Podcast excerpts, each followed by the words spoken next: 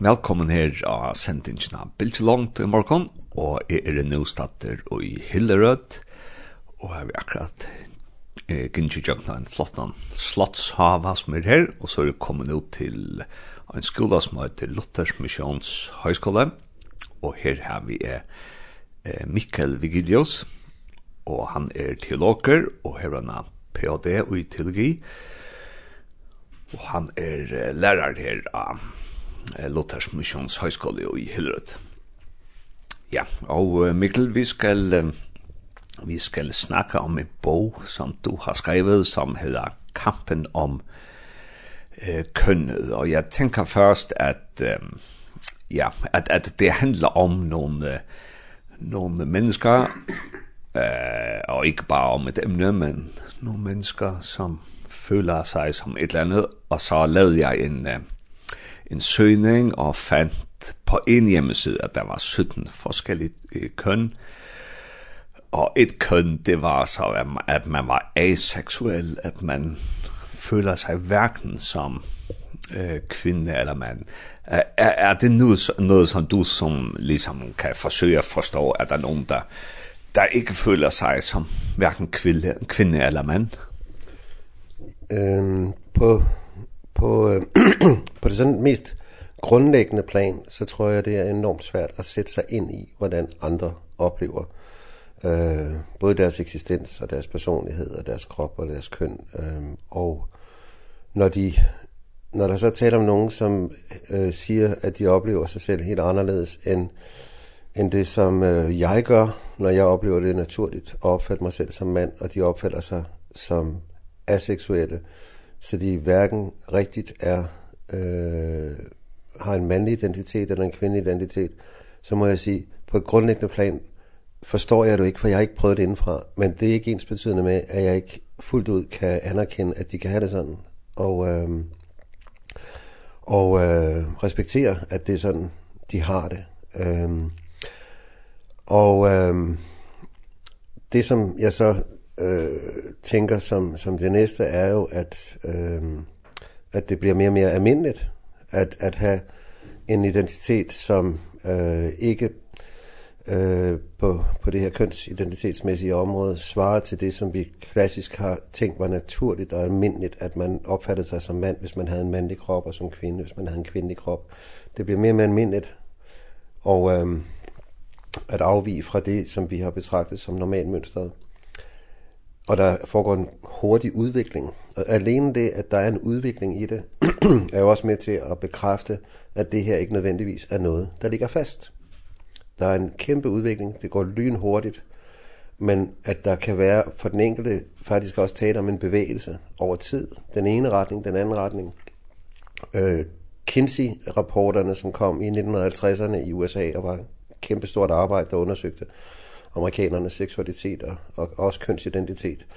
Øhm, de var jo banebrydende i forhold til at tydeliggøre eksempelvis i forhold til heteroseksualitet og homofili, Eh at, at, ehm at her var der ikke bare tale om to meget klare kategorier, eh hvor man var enten det ene eller andet. Man måtte tale om et spektrum, hvor man kunne have en mere eller mindre klar heteroseksuel orientering, eller en mere eller mindre klar homofil orientering, og hvor der så for de fleste vedkommende også var tale om en bevægelse øh, fra forskellige øh, gennem spektrummet.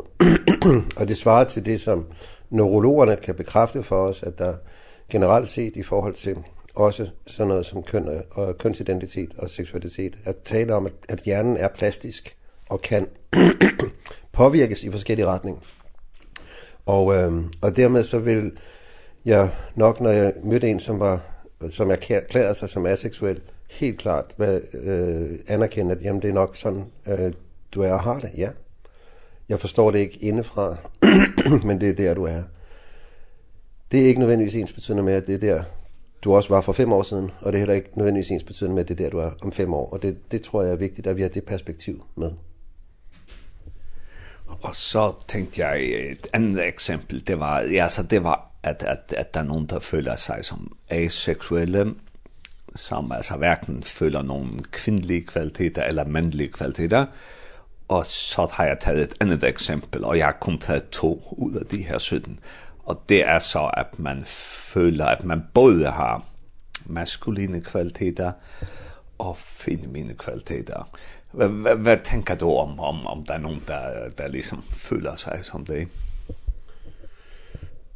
Det ligner jo lidt på det første, kunne man sige, at, at man har svært ved at øh, identificere sig øh, fuldt ud med det ene eller det andet køn. Øhm, og øhm, øhm, igen, så bliver øhm, øh, det mere og mere almindeligt, at man ikke har det godt med bare at identificere sig som en øh, ciskønnet øh, mand, der er orienteret mod kvinder, eller en ciskønnet kvinde, som er orienteret mod en, en mand seksuelt, når man kan have svært ved at identificere sig med det ene eller det andet køn, så kan det jo også have at gøre med de øh, køns øh, karakteristika, som vi er tilbøjelige til at hæfte på det ene, respektive det andet køn.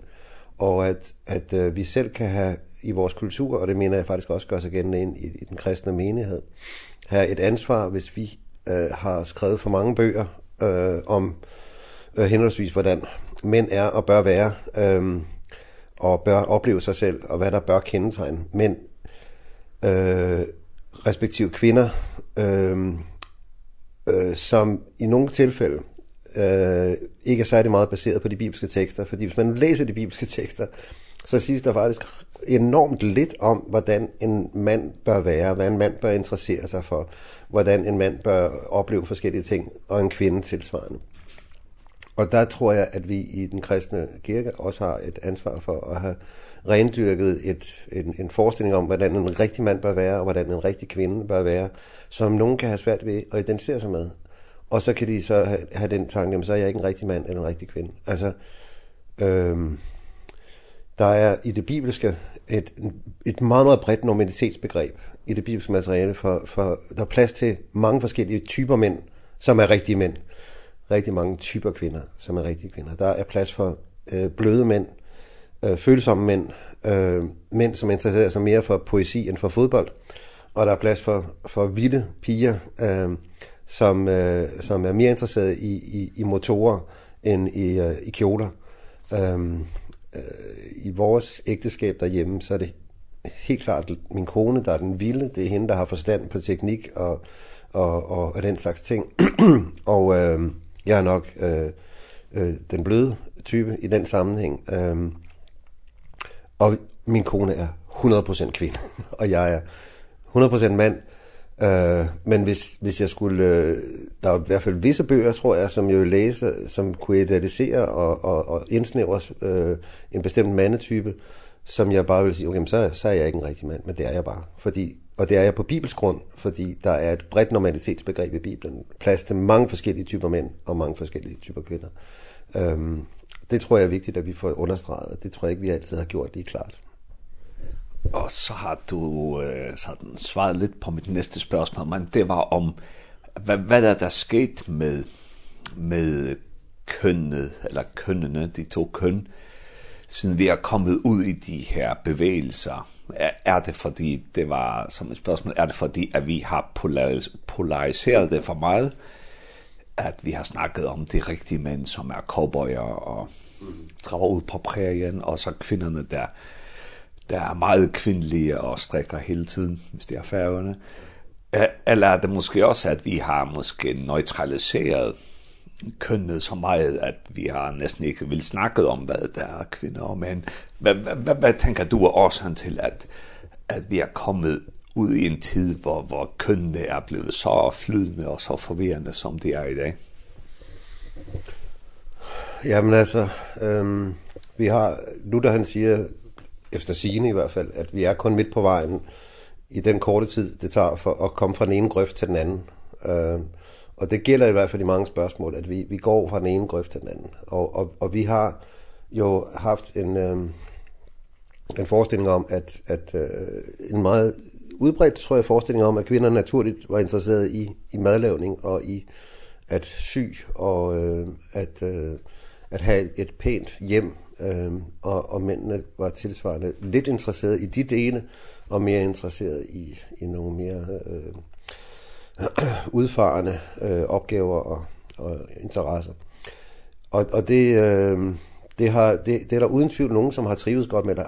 Må virkelig også være nogen, som har mistrivet med det øh, øh, i tidligere generationer. Så kommer jo så hele ungdomsoprøret i slutningen af 60'erne, begyndelsen af 70'erne. Det tager tid, før det finder ind i kristen sammenhæng. Men jeg tror, nu har det jo i rigelig grad fundet ind, og vi er, er blevet enormt forvirret om, hvad er det egentlig, vi har at holde os til så. Og der tror jeg, at, at samtidig med, at det er vigtigt at, at få tydeliggjort, at der er et bredt normalitetsbegreb, både for mænd og kvinder, jamen så tror jeg, at vi skal tilegne os, at der faktisk er noget, som siges bibelsk, og som er fantastisk godt, øh, om hvad der er henholdsvis mandens og kvindens rolle, ikke mindst i, i, i ægteskab og, og hjem. Og øh, øh, når, hvis vi begynder med, med, med, med kvinden, så øh, er det jo noget, som betones fra øh, først til sidst i Bibelen, hvor, ufattelig øh, godt det er med den øh, særlige omsorg, en kvinde har og kan give til, til de små børn. Øh, det højagtes i Bibelen, sættes utrolig højt, æres, øh, at kvinden øh, giver liv til slægten. Og det er jo, øh, i forlængelse af ungdomsoprøret, så er det jo noget, der er blevet i den grad øh, talt ned som udtryk for noget af det laveste en kvinde kan foretage sig, det er at, at føde børn og give omsorg til de små børn. Øh, og, og, og, øh, og det er blevet talt op, at kvinden skal manifestere sig med, med karriere og lederpositioner og lignende, og det er det, man kan have respekt for, det er det, man kan sætte højt. Og der tror jeg, det er enormt vigtigt, at vi i den kristne menighed tænker og taler bibelsk, og skaber en sund respekt for og anerkendelse af og taknemmelighed for og glæde over og værdsættelse af det enestående, som sker, når en kvinde føder et barn, og øh, er i stand til på en særlig måde, sammen med manden, men faktisk i højere grad end manden, at give en, en grundlæggende enormt vigtig øh, omsorg for, for de små børn. Øh, det, det betoner Bibelen som, øh, som det smukke og det store, øh, det enestående ved, og, og det som kvinden kan, og som manden ikke kan konkurrere med. Han kan ikke komme derind. Og det, det er jo tankevækkende, hvis man så netop også læser, øh, beskæftiger sig med, hvordan en, en, en, en graviditet og en fødsel øh, virker på en kvinde, også sådan neurologisk. Og jeg, jeg kan jo høre på min kone, når jeg taler om hende, og hun kan fortælle om tingene, øh, og jeg kan ikke forstå det indenfra, men jeg kan prøve at forstå det udefra, og så kan man så sætte neurologiske undersøgelser på det, der viser, at, at det der sker, øh, i, i, i amygdala i en kvindes hjerne i forbindelse med forlængelse af en fødsel, medmindre hun får en fødselsdepression eller lignende. Der sker en udvikling, der svarer til øh, det, som sker i hjernen, når man bliver forelsket. Og, og der aktiveres en omsorg for børnene, og en taknemmelighed for børnene, og glæde for børnene. Nu har min kone så i flere omgange haft fødselsdepression, hvor hun måske har oplevet noget andet. Ikke desto mindre, så sammen med depressionen, så har der, så det været tydeligt, hun har en nærhed med de små børn, som jeg først skal arbejde mig ind på som mand. Hun har det fra begyndelsen af. Og det er fantastisk at være vidne til. Det taler Bibelen højt om. Og så taler Bibelen så for mandens vedkommende i ægteskab og hjem og familie enormt højt om, at han offrer sig for hustru og børn. At han sætter hensynet til sig selv. Det er det, der er hans opgave. Manden har en fysisk udrustning, som er stærkere end kvinden, og der er igen noget som, i den måde, Gud har skabt os på men øh, er fysisk stærkere, og, og Bibelen er meget klar med, at han har et primært forsørgeransvar og beskytteransvar. Øhm, men det, det skal så udfoldes som i en, i en tjener øh, identitet. Manden er kaldet til at sætte hensynet til sig selv og sine ambitioner og sine, sine lidenskaber, sine drømme, sine mål, øh, sine præferencer, hvad der er mest behageligt for ham. Alt det til side, og så spørge, hvad gavner hende? Hvad er til glæde for hende? Hvad beriger hende? Hvad hjælper hende socialt, følelsesmæssigt, øh, åndeligt? Og så må han investere alle sine evner og kræfter i, hvad der gavner, glæder, beriger, velsigner hende. På samme måde som, og med et forbillede i den måde, Kristus har hengivet sig selv for kirken.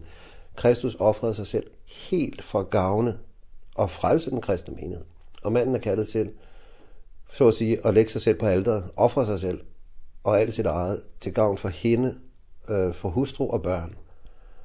Og, øh, og hvis det kommer til et eller andet spørgsmål, hvor mand og kone ikke kan blive enige om, hvad man skal gøre, jamen så, er det, så, så ligger det i, i, i den bibelske vejledning, at jamen så har manden et, et, et endeligt ansvar for at lede familien og træffe beslutningen, men så må han træffe den beslutning, der er til glæde og gavn og velsignelse for hustru og børn. Øhm, så skal de på ferie om sommeren, og har tre uger sommerferie, som vi har i Danmark, så kan det godt være, at manden har den tanke, at det vil være genialt at, at lege en camper, og så følge med Tour de France-feltet rundt i tre uger. Og øh, det vil være den skønneste måde at holde ferie på. Og det kan godt være, at konen så ikke synes, måske lige, at det er den mest fantastiske idé, som hun kan forestille sig. Men at det vil være bedre at være i sommerhus og have tid til hinanden og sådan nogle ting der. og hvis de så ikke kan blive enige om det, jamen så er det rigtigt. Så, så fordi manden er kattet til at være hoved og leder hjemme, så træffer han den ene beslutning, og så må han træffe den beslutning, som er til størst gavn og glæde og velsignelse og berigelse for hustru og børn. Og det er så ikke lige at tage med sorte fremsfælder. Og så må man så sige, okay, hvis det er den måde, manden er kattet til at være leder på, så kan man jo så øh, fra en side spørge, hvad, hvad, hvad får han så ud af det? ja, det skal jeg hilse så sige. Hvis det er sådan, manden er leder på, i ægteskaber hjem, så får han en kone og nogle børn, der kommer ham i møde med åbne arme og åbne hjerter, med taknemmelighed og glæde, og så er der velsignelse, fordi han offrer sig. Han leder ved at offre sig og ved at tjene hele tiden, give alt, hvad han har, alle sine evner og kræfter, sætter han ind på at være til glæde og velsignelse og berigelse for hende og børnene. Det er kongevejen til et velsignet ægteskab. Det er fantastisk. Netop derfor løber djævlen jo storm mod det og siger, at det her det er patriarkat, og det er øh, magtmisbrug, og ja, det kan det bruges til forfærdeligt, og det har ikke noget bibelsk grundlag. Det, men prøv lige at se, hvad Jesus gjorde. Han bøjede sig ned, han vaskede deres fødder. Øh, hos, ja, hos, uden, uden andre steder, siger Jesus, så er det jo sådan, at, at at dem som er, er herre eller ledere i et samfund, de, de ved, at de skal æres, og så udøver de deres magt over andre. Hos jer, der skal lederen være den, der tjener, og jeg er blandt jer som den, der tjener. Og sådan er manden kaldet til at være, være leder med Jesus som dit forbillede, være den tjenende, sætte op offrende leder. Og det er dit, det er dit dele af Bibelen, som vi nu har brug for at trække frem og få sat ord på, for at tydeliggøre, at der er forskel på mænd og kvinder, men det er ikke i overensstemmelse med en eller anden stereotyp, mere stereotyp, traditionel tankegang om rigtige mænd og rigtige piger. Det er noget andet, der ligger i det bibelske, men det er vidunderligt og godt, det der ligger i det bibelske materiale. Og det er det, vi skal hen frem, for ikke at ende i den modsatte grøft, hvor det hele flader ud, og der er ikke nogen forskel. Og det vil så sige, at um, ja, ja, nu begynder du med at snakke om, om det der, som sker i amygdala når kvinder får børn, ikke? at de får sådan en tydelig omsorg for barnet. Eh, men, men det som du så siger er mandens opgave er at være leder, men det er ikke en heroisk leder, men det er en uh, tjenende leder, ligesom Jesus var. Eh, Men det vil sige, det, det ligger mere i, hvad skal vi sige, opgavefordeling, ja. end det ligger i genetisk bestemte, måske egenskaber. ja, ja, altså der er, der er jo, øh, øh, der er stor forskel på vores hjerner, øh, og der er nogle øh, ting, som, som vi generelt set, med, med undtagelser begge veje rundt, så er der nogle forskel i, hvad vi som mænd og kvinder øh, generelt er bedre til end, end andre. Øh, men på en måde, hvor der, der ikke er noget som helst grundlag for at tale om, at den ene er bedre end den anden, men at de to hjerner kompletterer hinanden. Og det er der, det er der overvældende meget øh, øh, hjerneforskning, der dokumenterer. Nu har jeg arbejdet med det her i øh, måske 10-12 år eller sådan noget, hvor jeg har brugt god tid på det. Det, det er meget interessant, at da jeg begyndte at arbejde med det, så så søgte jeg rigtig meget rundt på på nettet øh om øh, om materiale om, om de her ting, altså forskningsartikler og så videre. Og øh, og øh, og der der printede jeg ud fra nettet. Ehm og så havde jeg sådan en en en stabel på en 40-50 cm der med med med artikler. Så gik der 5-6 år, øh, og så skulle jeg så skulle jeg øh, arbejde med det igen, fordi nu skulle jeg skrive en bog om det og sådan. Ehm og så vendte jeg tilbage, og så viste det sig, at nettet var totalt forandret. Altså, det var blevet utrolig svært at finde de artikler nu. Og det var det der var sket var at der var nogle helt andre artikler som var kommet frem som satte spørgsmålstegn ved alle de tidligere artikler og det var dem som øh, sådan er det jo. Øh, og øh, det ændrer bare ikke ved det der der er evidensbaseret forskning. Det findes derude og det er meget tydeligt på på på på det at dokumentere at øh, at der mænds og kvinders hjerner generelt fungerer forskelligt. Generelt har forskellige øh, ting, som vi er særligt øh, orienteret mod, og, og, og øh, generelt set øh, øh, har som styrker og, og relative svagheder. Men på en måde, hvor vi kompletterer hinanden. Ehm og, ehm og på den måde øh, tror jeg da også, at, at Gud han, øh, han, han øh, har udrustet mænd med, øh, med styrke, øh, kvinder med, med, øh, med udholdenhed, altså, øh, øh, og, og øh, at han også i, i den måde, vores hjerner er indrettet på, måske har, har givet os nogle særlige egenskaber, der passer godt med de øh, opgaver, som vi har i ægteskab og hjem og familie. Øhm, jævnført det, du siger, eller det, jeg nævnte med amygdala, som på en særlig måde øh, gør kvinden i stand til og motiveret for at give omsorg til til børnene. Ehm så jeg tror ehm der der er en, der er en amerikansk professor øh, der er kristen øh, som har skrevet om de her ting og han siger prøv lige at lægge mærke til øh, i første Mosebog kapitel 3 manden får det primære ansvar for at forsørge og beskytte familien og han er så fra Guds side udrustet med med øh, en langt større muskelmasse end kvinden. Øh, Og prøv at lægge mærke til det i første Mosebog kapitel 3. Kvinden kaldes øh, som sit særlige område, som manden ikke kan trænge ind i til at, til at føde børn. Og hun har 50% mere øh, fedtvæv øh, i, i sin krop, øh, som også gør hende i stand til at, at nære det her barn, øh, og selv i krisetider. Øh. Så jeg tror, øh, at der er en sammenhæng i tingene.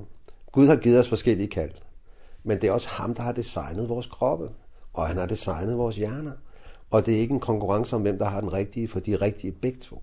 Men de er indbyrdes kompletterende. Og derfor så skal vi ikke problematisere, at der er noget, som, som kan være typisk for mænd, og som nogle gange kan være svært at sætte ord på, øh, men som øh, er anderledes end det, der er typisk for kvinder. Og den den forskellighed er jo fantastisk at opleve i et ægteskab. Og det gør jo, at vi kan blive ved med at sige, at vi ikke forstår hinanden, men at vi netop af den grund også kan blive ved med at beriges ved forskelligheden. Så i stedet for at gøre det til et problem, og i stedet for at benægte, at vi er forskellige fysisk og, og neurologisk og så videre, generelt set, så, så må vi bare glæde os over forskelligheden, og, og det er en berigelse. Øhm, og så skal vi passe på med at gøre det normativt. Man, en mand skal være sådan, en kvinde skal være sådan, på en måde, som er ekskluderende. Der går det, så går det rigtig galt. Hvis vi tager, tager det der med, med den der komplementering, ikke? Mm -hmm. at at øh, ja, hvordan skal jeg sige det kort, som du sagde, altså i hvert fald, at, at manden skal være den her tjenende leder for familien, og kvinden måske er, er mest omsorg og, øh, hvad skal vi sige, aktiv inde i familien, ikke? Men, men hvilke, hvilke steder i Bibelen snakker vi så ud fra? Hvor, hvor kan vi finde noget om det i Bibelen? Jamen, jeg tror, øh jeg tror ikke, Bibelen taler om, at manden er mere uden for hjemmet, og kvinden er mere i hjemmet. Og det tror jeg er en af de øh, ting, hvor vi har været ehm øh, tilbøjelige til at tænke øh, på en bestemt måde, som i virkeligheden ikke har bibelsk grund.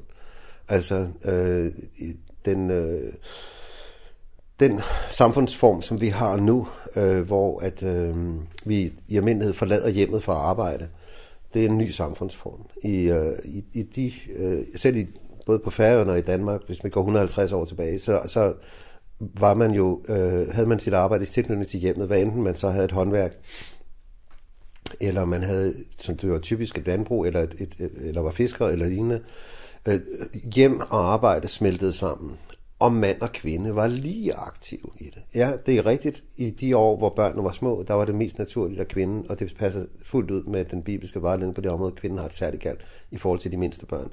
Men der er ikke noget kald i Bibelen til, at kvinden så skal være mere i, i, i huset, og manden er kaldet ud af huset, medmindre der er tale om krigstjeneste. Ellers så har de forskellige opgaver i huset. Hvis man læser det sidste kapitel i, i ordsprogenes bog, så er det en lovprisning af af den gode hustru, og jeg skal love for, at hun er aktiv med alt muligt, og det, det er med handel, og det er med håndværk, og det er med alt muligt, øh, og hun har også nogle øh, tjenere hos sig, som hun er med til at vejlede i og gøre forskellige ting. Hun er virkelig produktiv, aktiv, og hun arbejder for også at tjene penge til hjemmet. Øh, der er ikke nogen forskel der. Mand og kvinde har i den bibelske sammenhæng begge to været aktive omkring det arbejde, de nu havde omkring hjemmet men med en, en, en særlig rolle for kvinden i forhold til omsorg så for børnene en særlig rolle for manden i forhold til krigstjeneste. Det er så det. Og ellers var de stort set øh, havde de samme øh, øh, rolle øh, og opgaver omkring hjemmet. Ehm så kommer der en øh, historisk en en parentes øh, fra øh, omkring 2. verdenskrig og så frem til 70'erne, hvor at det bliver almindeligt at forlade hjemmet og gå ud og arbejde. Ehm øh, og hvor at man kan leve af en indkomst. Og hvor det så bliver sådan i en parentes, at manden går ud, og, og så bliver hustruen hjemme. Det bliver almindeligt, ikke bare i kristne sammenhæng, men det bliver almindeligt i, i uh, generelt set i vores nordiske samfund. Og det, som, som så kan øh, ligesom lejre sig i en kristen menighed, det er, at det er den bibelske måde at gøre det på.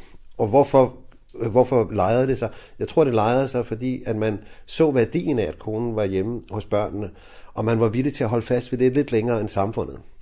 Men, men, men det er ikke en bibelsk norm, at kvinden skal gå hjemme, og manden øh, skal forlade hjemmet. Det, det, de har begge to opgaver øh, i hjemmet, øh, og, øh, og, og, og der er ikke noget ubibelsk i, at kvinden forlader hjemmet fra arbejde. Øh, så længe hun ikke svigter det, som er det helt grundlæggende kat omkring de små børn. Eh ja, så hvis vi tager det der med at at en husbond eller en en mand i ægteskabet er kaldet til at være til at være den, der har ledelsen, ikke? Og det er understreget, det er ikke den her heroiske ledelse, men den tjenende ledelse. Hvor, hvor, hvor ligesom finder vi passagen i, passager i Bibelen, som, som handler om det? Ja, men det gør vi i Efterbred kapitel 5, øh, vers 25-32, tror jeg det er. Øhm, hvor at det er meget tydeligt, at manden øh, er kaldet til at, at give sig selv hen for hustruen. Øh, som Kristus gav sig selv hen for menigheden. Og han gav sit liv, han gav alt. Altså der er det meget tydeligt, at mands øh, opgave er at ofre sig for hustruen, og i sagens natur så også for, for børnene. Øhm, og, øh, og der er der heller ingen tvivl om, at Kristus sætter hensynet til, hvad der er rarest, mest behageligt, nemmest, Øh, for ham, det sætter han fuldstændig til side og spørger ikke efter, hvad der er rarest for ham. Han går til korset. Han er villig til at betale den ultimative pris for at gavne, glæde, berige, velsigne og give liv til menigheden. Så, så der er ikke nogen, der er ikke nogen grænser for, hvor meget manden er kaldet til at ofre sig. Øh, og, og det er mod mandens natur at gøre det, fordi manden er en egoist. Så altså her er det utrolig vigtigt, at, at, øh, at vi, vi, vi lytter til det kald som kristne, Og det gør vi øh, også fordi vi har set Kristus gøre det for os. Vi har set, at han har offret sig for at give liv, ja evigt liv til os. Og vi har set, hvor velsignet godt det er. Og ved troen på ham, så har vi også indefra fået et ønske om at følge ham i det og ofre os.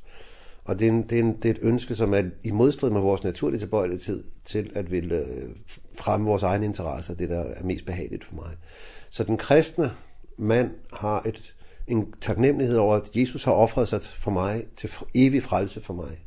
Jeg har fred med Gud og søndernes forladelse og evigt liv, fordi Jesus offrede sig for mig. Og så har Jesus taget bolig i mit hjerte, og jeg ønsker at gøre det samme. Hvordan kan jeg gå i Kristus spor? Så siger Gud, du har en kone, du har nogle børn. Her, offre dig for dem. Gå hjem, se efter, hvad der gavner dem. Sig det til din kone, som du ved glæder hende. Kram dine børn. Fyld dem med omsorg, kærlighed, nærhed, tryghed. Sig noget godt til dem om Jesus. Øh, tænk på, hvad der gavner dem. Tænk på, hvad der beriger dem. Tænk på, hvordan du kan vise øh, betænksomhed over for dem. Lad dem mærke, at du elsker dem. Hvad kan gavne dem? Hvad er det for nogle udfordringer, de har? Hvordan kan du engagere dig i dem? Hvordan kan du sætte dig selv til side for at hjælpe dem? Tænk på det. Og der er noget i den kristne mand, som siger, ja, det vil jeg. Og jeg vil betale alt for det. Jeg vil, jeg, det er det der, jeg vil. Og går jeg ind i det kald, så er det helt vildt. Det er helt vildt, hvad det bringer med sig af velsignelse. Øh, og du spurgte til, til det sted i Bibelen, hvor det er tydeligst udfordret. Det er tydeligst udfordret i Efterbrevet kapitel 5, øh, fra vers 25. Ja, vi skal lige have en, en pause i udsendelsen og høre en sang, men ja, hvis jeg lige ser det på færøsk, så det var Efesos brevet, kapitel 5, eh, her som tar stentrum etter vi er med er han som oppoffrer seg og i familiene. Uh, ja, og så skal vi lige høre en sang, før vi går videre, Mikkel. Og du har valgt... ehm Jeg. Du har valgt to sange, men vi skal høre den første nu. Skal du sige ja. noget om, hvad den første er? Det er Steve Green, som synger. Han synger flere sange om, om, det, om ægteskabet. Han uh, har så en sang, der hedder God causes all things to grow. Altså Gud får alt til at gro. Og... ehm Og det synes jeg ligger godt i forlængelse af det, vi har talt om her, at går jeg ind i Guds kald øh, til mig i mit ægteskab, jamen så, så er der noget, der blomstrer. Så er der virkelig noget, der bringer liv. Det han er meget ærlig om, øh, og det er velsignet, og det smager godt øh, i den her sang, det er, at, at i ægteskabet, jamen der kommer min ægtefælle og også mine børn til at lære mine svagheder at kende, for jeg kommer til kort. Øhm, jeg svigter jeg det her kald. Og det, det bliver jeg mindet om jo også hver gang jeg taler om det. At, at jeg, der er noget, jeg gerne vil, men som jeg hele tiden falder og fejler i. Eh, men, men, øh, men netop når jeg falder og fejler, så, så bliver jeg jo mindet igen om, hvor dyrebart det er, jeg har en frelser, øh, som, som øh, hvis blod renser mig for alt synd, at jeg har tilgivelse. Og øh, det, det fornyer mig i troen på Jesus og taknemmeligheden over, at jeg får lov at være frelst, også som en faldende og fejlende og svigtende og famlende, far og ægte mand. Øhm, jeg bliver taknemmelig for Jesus, øh, og jeg bliver uendeligt taknemmelig for min øh, familie, for min kone, som tilgiver mig, for mine børn, som tilgiver mig. Øhm, og, øh, og tilgivelsen er det grundlæggende i vores forhold til Gud, men det er også det, til, det grundlæggende i vores ægteskab og familieliv. Og, øh, og det er, når tilgivelsen får lov at råde, jamen så, så, så sørger Gud for, at alt øh, vokser. Så det, det er noget perspektiv i den her sang.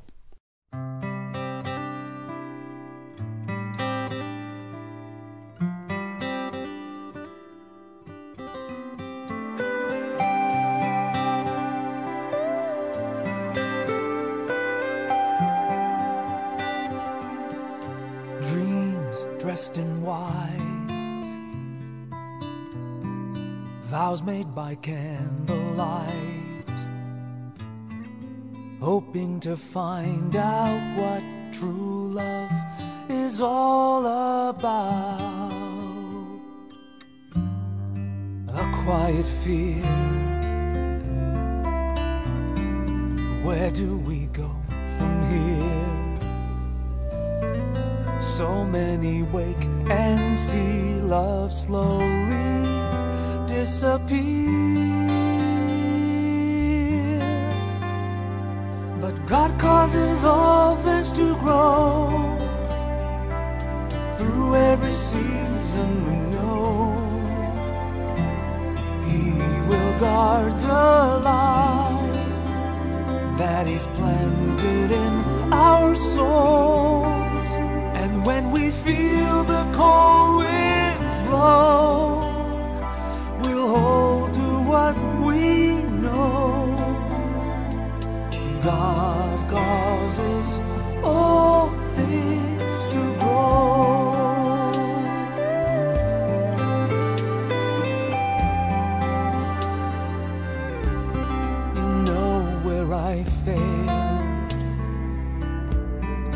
weakness has been unveiled.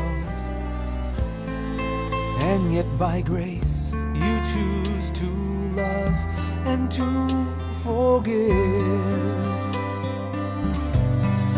So come what may So come what may. Our home is here to stay. Our home is here to stay. A witness to the lasting promise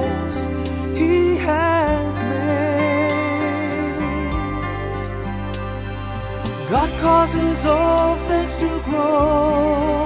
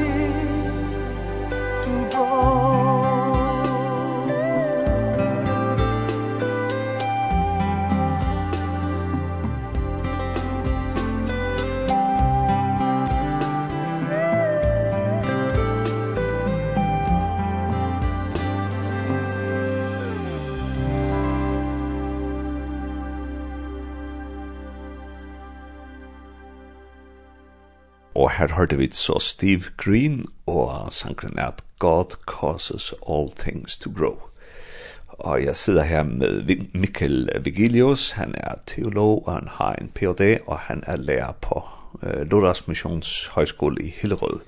Og vi er i gang med at snakke om køn og nutiden, og det er i en øh, udgangspunkt i en bog, som han har skrevet, som hedder Kampen om kønnet.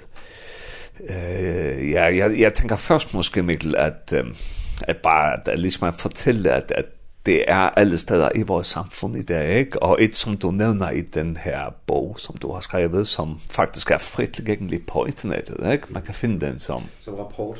Som rapport, ja. Ja, kampen om kønnet, ja. Og øhm, ja, og der, der fortæller du om, om øh, pædagoguddannelsen og et bestemt fag, der er kommet ind der. Kan du lige fortælle lidt om det? Øh, det er den danske pædagoguddannelse, øh, som øh, jo uddanner pædagoger både til vuggestue, børnehaver, til øh, ungdomsinstitutioner og til alle mulige former for pædagogiske opgaver. Øh, og som så har et, et fag, der hedder kønsseksualitet og mangfoldighed, hvor man har, har øh, en grundbog øh, med artikler. En, det er en antologi af artikler skrevet af forskellige forfattere, men der er, der er en gennemgående rød tråd, og det er, at øh, kønnet er en øh, konstruktion, øh, og at øh, tanken om, at der er forskel på øh, mænd og kvinder, i vores øh, sådan grundlæggende måde at være indrettet på og også vores øh, forskellige øh, sind og følelsesliv og hjerner øh, det er en øh, illusion.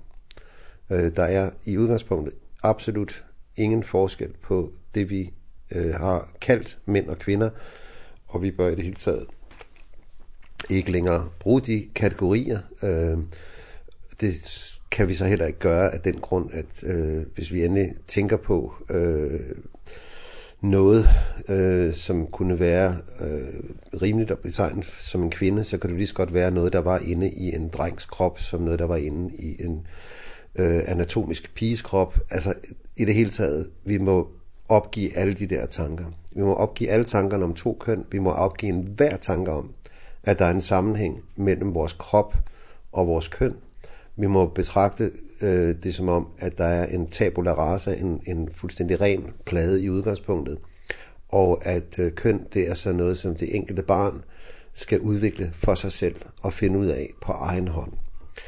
Og øh, der er vi jo op imod et problem ifølge øh, tænkningen i, i, i den her bog og hos de her forfattere, og, og problemet er jo, at vi har været vant til at tænke om, at der er to køn, og vi har taget udgangspunkt i de forskellige kroppe, en mandekrop og en kvindekrop, og så har vi tænkt, at dem, der har mandekrop, det er øh, drenge mænd, og, og tilsvarende piger, kvinder med en kvindekrop.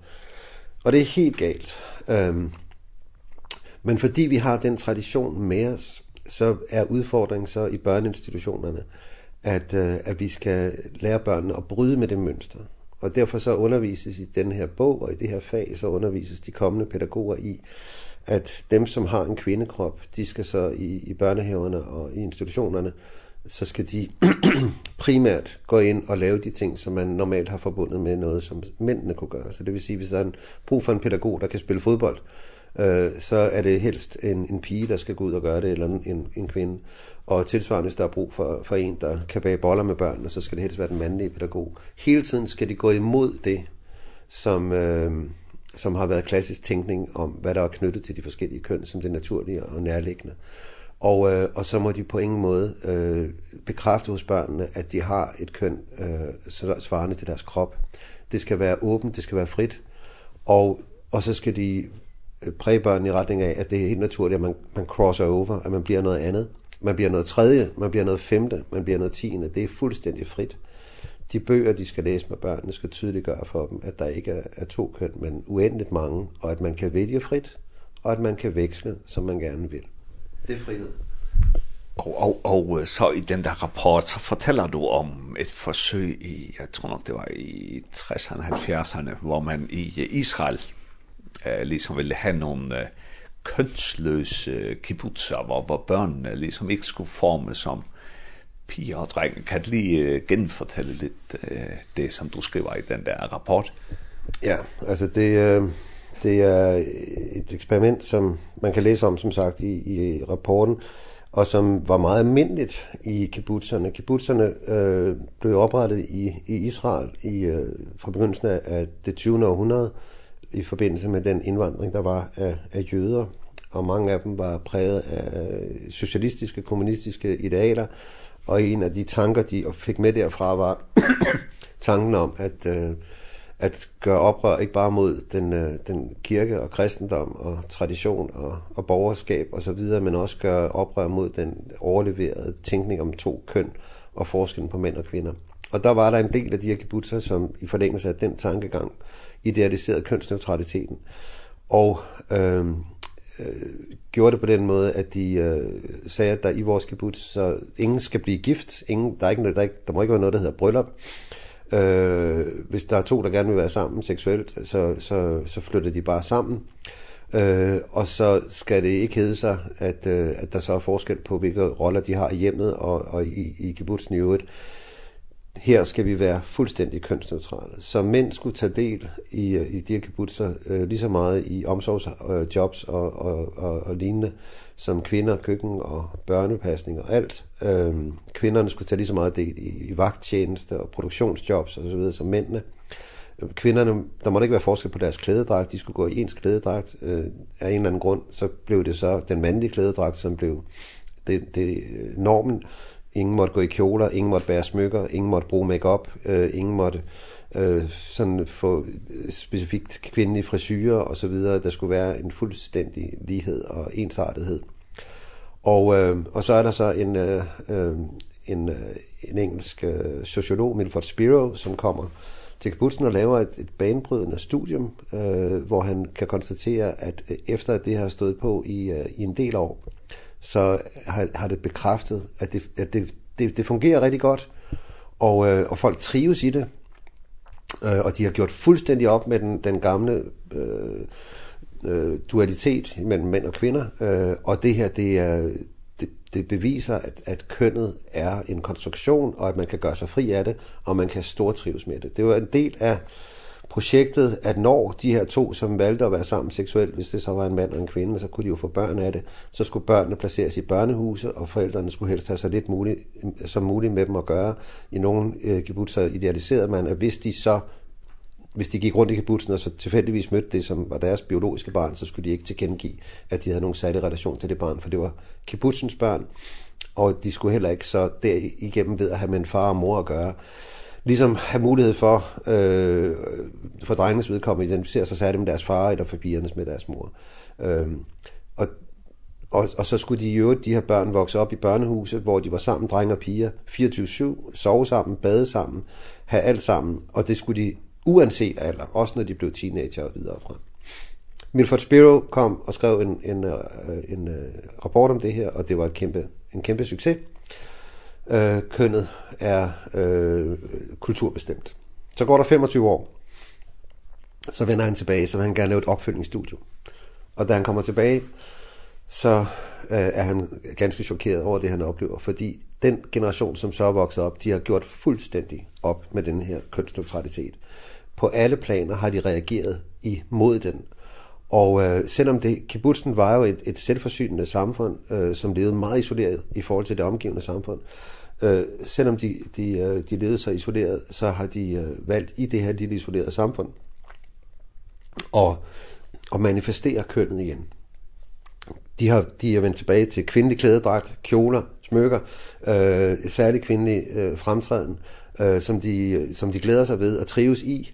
Øh, de har fået bryllup igen med stor bryllupsfest på, på klassisk manér med brud og brudgom og forskel på brud og brudgom. Øh, og til stor bestyrelse og bedrøvelse for den forældregenerationen, så er, er det glædet ind i en, en rollefordeling, hvor manden er leder i hjemmet og ægteskabet.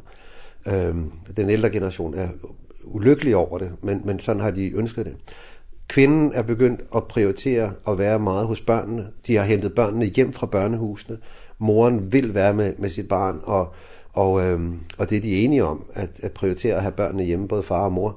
Så børnene vokser op med en far og en mor som de kan spejle sig i. Og øhm, og så er der sket en en en forskydning af af af jobsene naturligvis med undtagelse. Der er nogle kvinder, som har haft det super på, og stadigvæk har det på, i fabriksarbejde, og mændene, øh, nogle er stort trives i køkkenet, men alligevel er der sket en forskydning i retning af, mændene er glædet ind i produktionsjob, og kvinderne, kvinderne er generelt glædet ind i omsorgsjobs. Og, øhm, Og så har børnene og de unge gjort oprør, fordi de er så blevet teenager og skulle gå i bad med hinanden, og det vil de bare ikke, fordi jeg kender, at der er forskel på, på os piger og på de drenge. Og øhm, de vil ikke sove sammen længere, de vil ikke bade sammen længere, de vil være for sig selv, pigerne for sig og drengene for sig. Og så vil de jo øh, alligevel være vældig interesseret i hinanden, men på en anden måde end ved at optræde som om, at der ikke var to køn. Og Milford Spiro, han er jo blevet kendt på, på sit, sin første rapport, og har fået et navn på det. Det er meget sjældent, at sociologer går tilbage på det, som de engang ligesom er blevet kendt på som teser. Det sker i hans tilfælde. Han skriver en ny øh, rapport, og, og, og den fastslår, at øh, han, er, han er nu nået frem til, og det er også baseret på, hvordan han har set børnene lege. Fra de helt små, så kan han se, drengene lege forskelligt i forhold til pigerne. Samfundet omkring dem har prøvet at præge dem i retning af at lege ens, men de leger forskelligt. Virkelig. Så han når frem til, kønnet er ikke bestemt af culture, men af nature. Det kommer indefra. Øhm, og det, øh, det sådan studium er meget interessant set fra et kristent perspektiv, fordi det, det bekræfter, at Gud har skabt os forskellige. Og det bekræfter også jævnfør det med børnene, som jo også er, er blevet bekræftet i andre sammenhænge. Vi har en... Øh, en dansk øh, PhD i neurologi, øh, Lone Frank, som, som har øh, øh, skrevet om, om de her ting, og, øh, og hun, hun øh, har påvist, hvordan der er øh, meget, øh, der peger i retning af, at vores køns forskel øh, allerede grundlægges på, på fosterstadiet.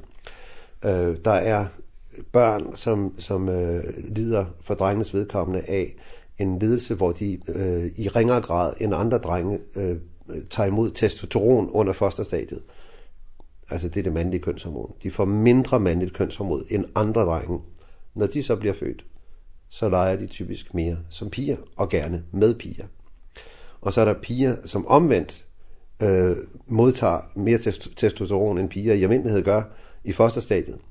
Øh, og når de så bliver født, så leger de mere som drenge, og gerne med drenge. Øh, det, det er nærmere omstændighed omkring det, det har jeg med i min rapport. Men det, det, det peger bare i retning af, at det her det er noget, som kommer med biologien. Det kommer indefra, det har at gøre med, hvordan vi er skabt. Det var det, Melford Spiro som sociolog nåede frem til at få bekræftet imod det, han egentlig troede og ville. Ja. Ja, det er meget spændende, Mikkel, men tiden den begynder at løbe fra os. Um, vi, går, vi går tilbage til Bibelen. Vi, vi tager lige først, at at evangeliet, det er ikke afhængigt af mand og kvinde. Vi er alle ens for Jesus og købte ham, ikke? Men så vil jeg til at du skriver i den der rapport, at, at i Bibelen optræder køn i flere omgange, og der er et bærende billede i Bibelen, som er billedet af brudgommen og bruden, og det er selvfølgelig kønnet, så brudgommen er en mand, og bruden er en kvinde. Kan du måske lige uh, fortælle lidt om det her billede? Hvad, hvad, hvad er det for noget? Hvad betyder det? Og så tage os igennem nogle skriftsteder med det her billede. Jamen, øh, jamen det grundlæggende øh, er jo, at vi allerede på første side i Bibelen hører, at vi er skabt som mand og kvinde. Øh, side 1 i Bibelen er vi skabt som mand og kvinde. Og øh, øh, det forhold, er så givet fra Gud som øh, til at skulle øh, også være et vidnesbyrd om Jesus. altså manden er kaldet til at gå ind i den der offrende, selvopoffrende rolle, for at han kan være et billede på, hvordan Jesus offrer sig for kirken. Og det, på den måde så er der øh, i forhold mellem brudgommen og bruden en, øh, en rollefordeling, vi er kaldet ind i, som skal være et billede på, hvordan Kristus er frelser for kirken. Og, og der er det jo gennemgående i Bibelen, at, at Jesus omtales som, som vores brudgom og menigheden, som den brud, han har vundet øh, med sit blod. Og derfor, når vi, når vi så når frem til, øh, til åbenbaringsbogen, øh, og til, til, til, øh, til, til det, som Bibelen taler om målet for det hele, målet er, at vi når til himlen, og der skal, øh, der skal der en stor bryllupsfest. Og det er lammets bryllup. Det er meget tankevækkende. Lammesbrød, hvad, hvad er pointen? Jamen altså, når Bibelen taler om, at Jesus offrer sig selv, giver sit blod for os, så taler Bibelen jo om, at han gør det som Guds lam, der bærer verdens synd. Så Jesus kom til jorden, øh, ikke bare for at gøre godt, og ikke bare for at lære os og elske vores næste. Han kom øh, først og sidst for at vise os, at vi fortabte i os selv, og så for at tage vores synder på sig og gå til korset, og modtage Guds dom og straf over synden, og på korset give sit blod. Hans blod er et vidensbyrd om, at han døde for os. Og Bibelen taler om, at det blod, det, det er jo så det, der kom, fordi han bar og sonede og fjernede al vores synd. Så det blod, det renser os for al synd. Og der på korset, der bliver han lammet. Han bliver lammet, offerlammet, der giver sig selv for os. Og så vinder han bruden, kirken, som, som en brud han kan føre med sig til himlen og den nye jord ved det offer. På korset, der åbnes paradisets port, og Jesus går foran, og han tager alle dem med sig, som han har vundet og som betrober ham. Og den første, han tager med sig, det er jo røveren på korset, som kort inden, at han dør, så har han hånet Jesus. Begge røver håner Jesus.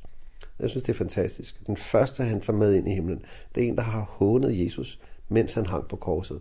Men tænk, Jesu blod renser os for den synd. Så Jesus på korset er Guds lam, der vinder sin brud, menigheden, og åbner døren, så han kan føre bruden med sig til den nye jord. Og, øh, og øh, det er det, som er det helt centralt i den kristne tro. Og forholdet mellem mand og kvinde er et billede på det. Så tal ikke om, at forholdet mellem mand og kvinde er sådan en perifær og ubetydelig ting i Bibelen.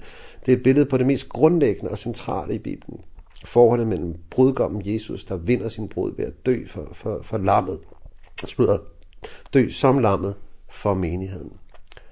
Øhm, og der tror jeg også, vi må have lov til at se en tidlig, øh, en, en tidlig finger i Bibelen, der peger frem mod det, fordi da Eva bliver skabt, hvordan bliver hun så skabt?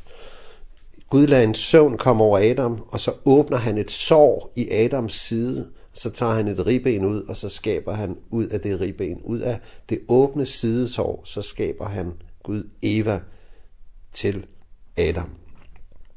Hvad er det, der sker på korset? Gud lader dødens søvn komme over Jesus. Gud åbner et sår i Jesus side. Der kommer blod og vand ud. Og ud af Jesus sidesår, ud fra hans blod, der vindes bruden, menigheden. Og skabes bruden.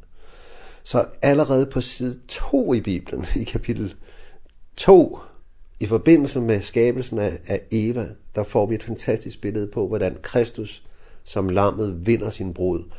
Og det er et billede, der handler om forholdet mellem Adam og Eva. Og igen bekræftes det, det her, forholdet mellem manden og kvinden, er helt centralt i Bibelen. Og det er et billede på det mest centrale af alt, at Jesus har vundet os til himlen ved, ved sit blod. Spændende, Mikkel, og Vi kunne snakke i flere timer endnu, det er jeg ret sikker på. Uh, og vi skal lade os afslutte nu og høre den sidste sang, men, men et som jeg sidder og tænker er, at, at nu hvor alle de her emner kom op i vores samfund, ikke? med alle mulige forskellige slags køn og transkønnethed og intet køn, så kan man tænke sådan lidt, åh, oh, nå, hvorfor skal vi snakke om det? Men Men eh, men så synes jeg alligevel for eksempel den her samtale, ikke? At at netop ved at uh, snakke om det som er så springbart i vores samfund med at snakke om hvad siger Bibelen om mand og kvinde, ikke? Så kommer vi faktisk at tale om om nogle ret uh, centrale ting med uh, Bibelen, så så måske er det slet ikke så så dumt at vi kommer ind og diskuterer de her nutidige ting Det var sådan en, en tanke til sidst. Uh, jeg ved ikke, om du har nogle kommentarer til det, og så skal du så præsentere den sidste sang. Men jeg tror, det gælder helt generelt, at, at vi uh, i vores, som kristne så udfordres vi igen og igen af samfundet på nogle områder, hvor vi øh, i første omgang kan føle os ubekvemme og så tænke, åh oh, nej, det her det er også en svær ting i den kristne tro. Måske skulle vi vælge ikke at tale om det. Det her det har vi nok svært ved at forsvare og forklare og så, og så er vi tilbøjelige til at tige om det, og så, jamen, så sker der forudsigeligt det, at så overtager vi på kort tid den almindelige tankegang. Og der tror jeg bare, det gælder helt generelt, men det gælder også specielt her, altså. I stedet for øh, at øh, vælge at tige og, og, øh, og flygte, så lad os grave os ned i, hvad Bibelen faktisk siger, og så vil der åbne sig en, et, et, for os et, at, at, en erkendelse af, at det, det er guld, det, det, det, velsignet, det er fantastisk, det er godt, det er livgivende, det som Bibelen har at sige, også i, på det her område, når det drejer sig om forholdet mellem mand og kvinde i ægteskab og hjem og familie. Det er så godt, det er så velsignet. Vi skal ikke tige, og vi skal ikke flygte fra emnet, vi skal fordybe os i det, og med frimodighed tale om, hvad Bibelen siger. Det er, det er vejen til bevarelse i troen, og det er vejen til, at vi, vi også selv øh, kan være vidnesbyrd for verden. Det er vejen til velsignet ægteskab og familieliv. Og det er så derigennem også vejen til, at vi når målet i himlen. Og det er det, som den sidste sang handler om. Whatever it takes, uh, hedder den. Og det er en sang, vi tit har hørt, når vi har kørt sammen i, i, i bil som familie. Uh, og det er udtryk for vor, vores grundlæggende bøn til Gud. Uh, whatever it takes, Lord, uh, do. Whatever you must lead us through. Ehm um, vi har et ønske om at nå himlen, og ehm um, og det er en kamp, øh, og, og vi kan være på vej væk af, på mange forskellige måder, også øh, måske forledt af de her spørgsmål. Og der beder vi så Gud om, gør hvad, det, hvad der skal til. Øh, giv medgang, giv modgang, men kære far, bevar os i troen på Jesus og hjælp os hjem til himlen. Whatever it takes, whatever you must lead us through, whatever it takes, Lord, do det er vores grundlæggende bøn, at Leila og jeg og vores tre drenge må, må blive bevaret i troen på Jesus og nå målet. Og vi beder i denne her bøn, gør hvad du vil Gud. Du er dit værk og liv, som vi synger det i en dansk sang. Du er dit værk og liv, regn og sol du give, gør som du det vil. Blot du så os føre, at til sidst os høre himmeriget til. Det er i virkeligheden målet for en kristen familie, en kristent ægteskab, at vi må være hjælp til hinanden til at nå målet i himlen, og det er det en bøn om, at det må ske.